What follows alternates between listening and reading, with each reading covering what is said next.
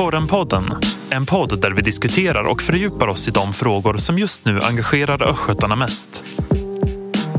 Det är fredag den 27 maj och det har blivit dags för ett nytt avsnitt av Korrenpodden. Idag ett avsnitt fullt av glamour och kunglig flärd. Eh, inte minst för att jag har med mig min eh, kollega Frida Glenning Ströberg här i studion. Hallå Frida! Oho, hallå! Hej, hur är läget? Det är bra. Jag har fredagsfeeling. Det är mm. fredag när vi spelar in det här. Mm. Nästan lite för mycket fredagsfeeling. Du vet, man nästan vill bara gå hem. Ja, Okej, okay.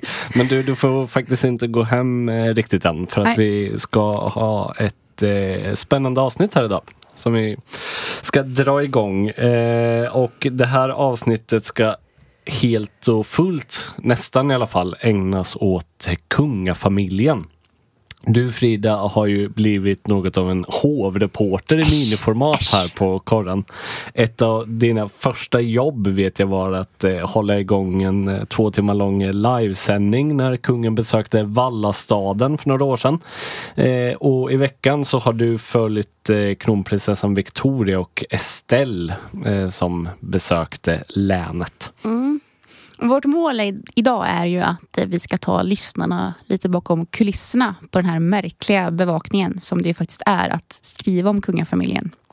Den omformas av mycket regler för oss journalister som vi ibland behöver bryta för att göra ett bra jobb. Och så lite om min vånda då över att vara en gam och att faktiskt eh, ja, göra jobbet så bra man kan. Ja, mycket att ta upp här helt enkelt, så det är lika bra att vi kör igång tänker jag. Först eh, kommer dock ett kort nyhetssvep. Veckan som gått har kantats av ett flertal allvarliga trafikolyckor i Östergötland. I måndags omkom en man i 50-årsåldern i samband med en trafikolycka vid Braskensbro i Linköping och i onsdags omkom en man på rullskidor efter att ha blivit påkörd av en bil strax söder om Åtvidaberg. I veckan kunde korren avslöja att socialtjänsten i Linköping stått för notan för ett hotellrum i city där två kriminellt belastade unga män nyligen greps med ett skarpladdat vapen och tung narkotika. Den 22-årige man som bodde på hotellet dömdes nyligen till fängelse för grovt vapenbrott.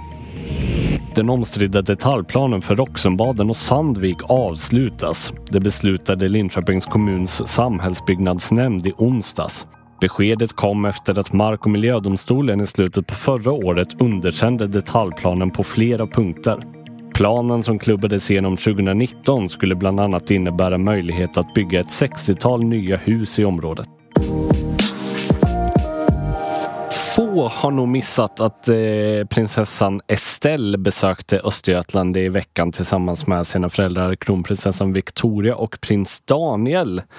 Eh, under det här besöket besökte trion bland annat Naturum Tåken och eh, Linköpings slott. Estelle är ju hertiginna av Östergötland och det här är hennes andra officiella besök i länet om jag har förstått det rätt. Första gången var när hon var två år gammal, eller hur Frida? Svårt att göra ett officiellt besök då kanske, men så var mm, det. Men det gjorde hon. Mm. Det är inte alla tvååringar som gör. Ja, hon kan inte minnas så mycket. Så att, eh, det är klart, det här var lite, lite stort. Mm, mm. Du Frida var ju en del av eh, en hyfsat stor mediebevakning under det här besöket. Men jag tänker innan vi pratar om just det här Estelles besök i, i länet det senaste så eh, kan vi nämna att det här inte är första gången du är ute i de kungliga sfärerna. jag har träffat Victoria en gång men framför allt eh, har jag hängt med kungen höll jag på att säga. Ett av mina första jobb på korren som jag jobbade bara extra då. Det är fyra år sedan. Det var när kungen skulle inviga Vallastaden. Och då hade någon briljant chef här kommit på att vi skulle livesända detta i två timmar.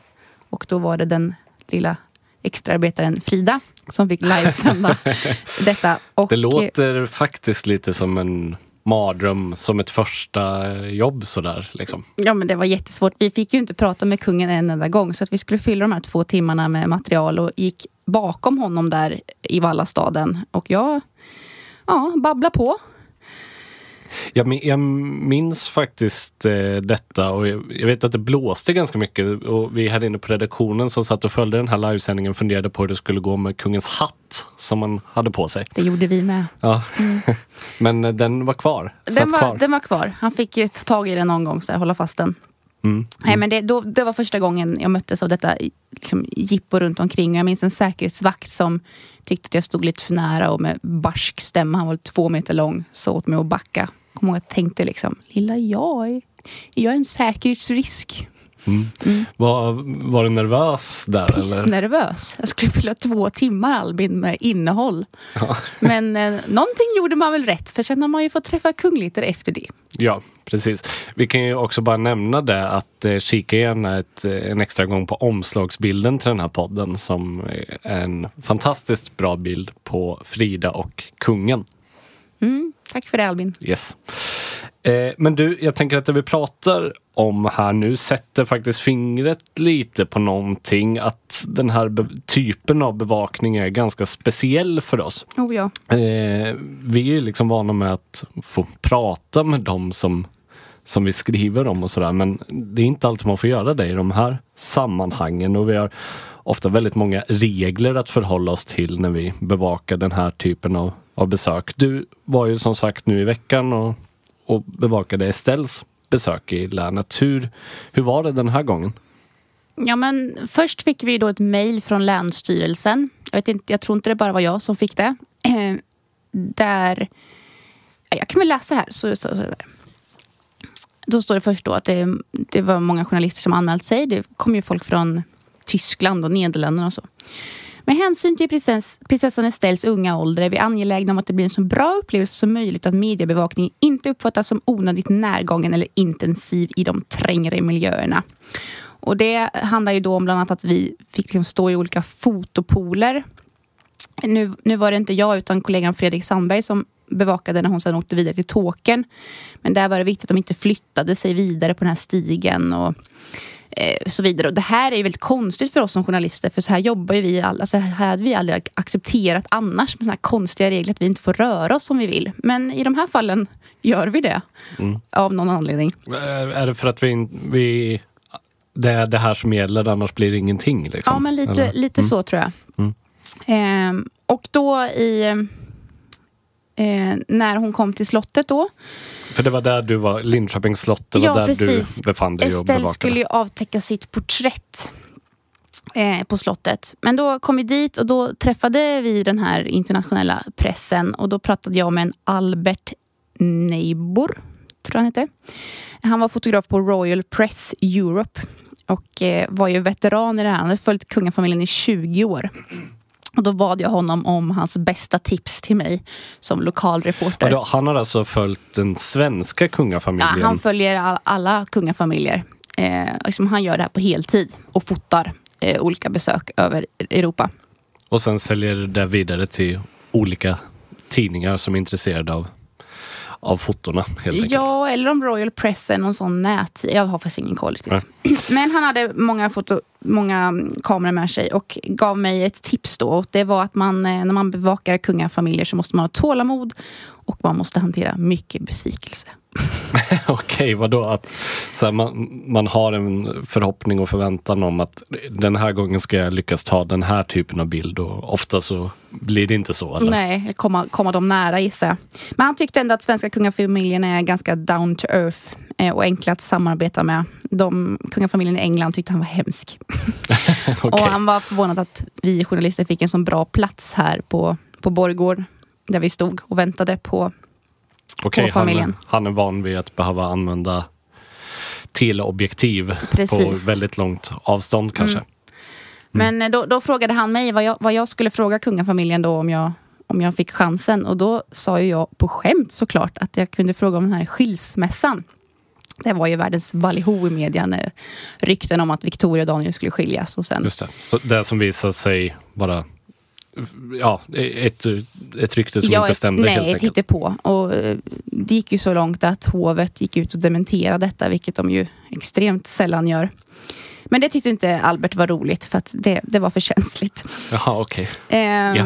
Och så var det också kul för då frågade jag honom, då var det så kungafamiljen, eller Victoria, Daniel och Estelle kom och vi fotade. Det är ju så här stelt och de ställer upp sig där. Och sen gick de in i slottet och då fick vi vänta på gården innan vi fick följa med dem in. Och då frågade jag Albert om han var, var han nöjd med bilderna han tog.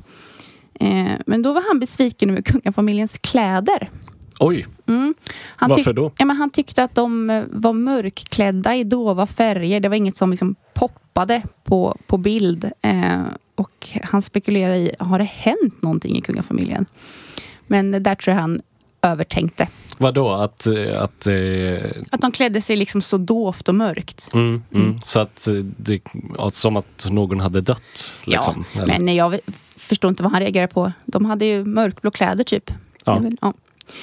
Som de, de flesta ser Ja. ut kanske. Men sen var det kul för då fick jag eh, liksom den här Albert som var lite halvkaxig. Han fick ju inte följa med in på slottet. För det är tydligen en grej att svensk media går ju alltid först och får, får liksom de bästa platserna. Och i det här fallet var det då uppenbarligen få platser. Så de internationella pressen fick åka vidare till Tåkern dit istället skulle senare. Men vi i svensk media fick följa med in då på Okej. slottet. Besviken, bes, besvikelse hos Albert då? Ja, Albert visste det här sedan innan, men Okej. ja, han, var lite besviken. Och då kom vi in där till, det kanske alla vet, men Estelle har ju en egen salong på slottet som heter Hertiginnan Estelles salong. Och det var där hon skulle då avtäcka det här porträttet på henne själv som ska sitta där inne. Då fick vi stå så bakom ett litet rött rep och vänta. Känner man sig, känns det lite fjantigt eller? Lite. Ja. Det känns ju jätte... Ja, det, är, det är konstigt bara. Det är ett jippo som alla går med på. Liksom. Mm. Ehm, men eh, då stod vi där och väntade att kungafamiljen skulle komma in i rummet. Ehm, och då var bland annat TV4 där. De gjorde gör här årsprogram om kungafamiljen varje år. Jag tror de visar det kring jul. Just det. Mm. Så det var ju en journalist och en fotograf som väl följer dem i allt de gör i år. Och då hade de lite kul och, och skrattade och sådär. Och då kom eh, kungahovets presschef och hyschade dem väldigt högt och bestämt.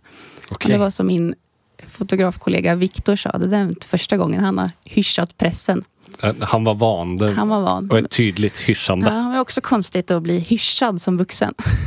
Ja, verkligen. Men återigen då så är det kanske det är väldigt speciella spelregler som gäller på den här typen av, Ja. av bevakning. Liksom. Mm. Mm. Och sen då så var den här lilla ceremonin med den här tavlan och så. Och sen var ju alla andra tvungna att hasta vidare till Tåkern. Mm. Alltså mina journalistkollegor. Du, innan vi, jag tänker Mm. bara så här, hur, hur eh, var Estelle? Du, du fick ju ändå Se, se henne lite grann. och sådär. Men jätte, jättegullig tjej. Mm. Och, Är hon tio år nu eller? hon är tio år. Mm. Eh, var klädd i en en klänning, mörkblå klänning med lite mönster. Sen såg jag att hon bytte om till Tåkern till lite mer byxor. Okej, ja. Eh, nej, men hon, och så stod hon ofta med händerna så knäppta framför sig. Det kändes som att någon hade sagt till henne att det var en bra pose. Mm. Sen ibland så såg man barnet komma in lite sån, så här, lutade lite på ena foten och lite på den andra när, när det blev långtråkigt. men hon skötte sig exemplariskt skulle jag säga.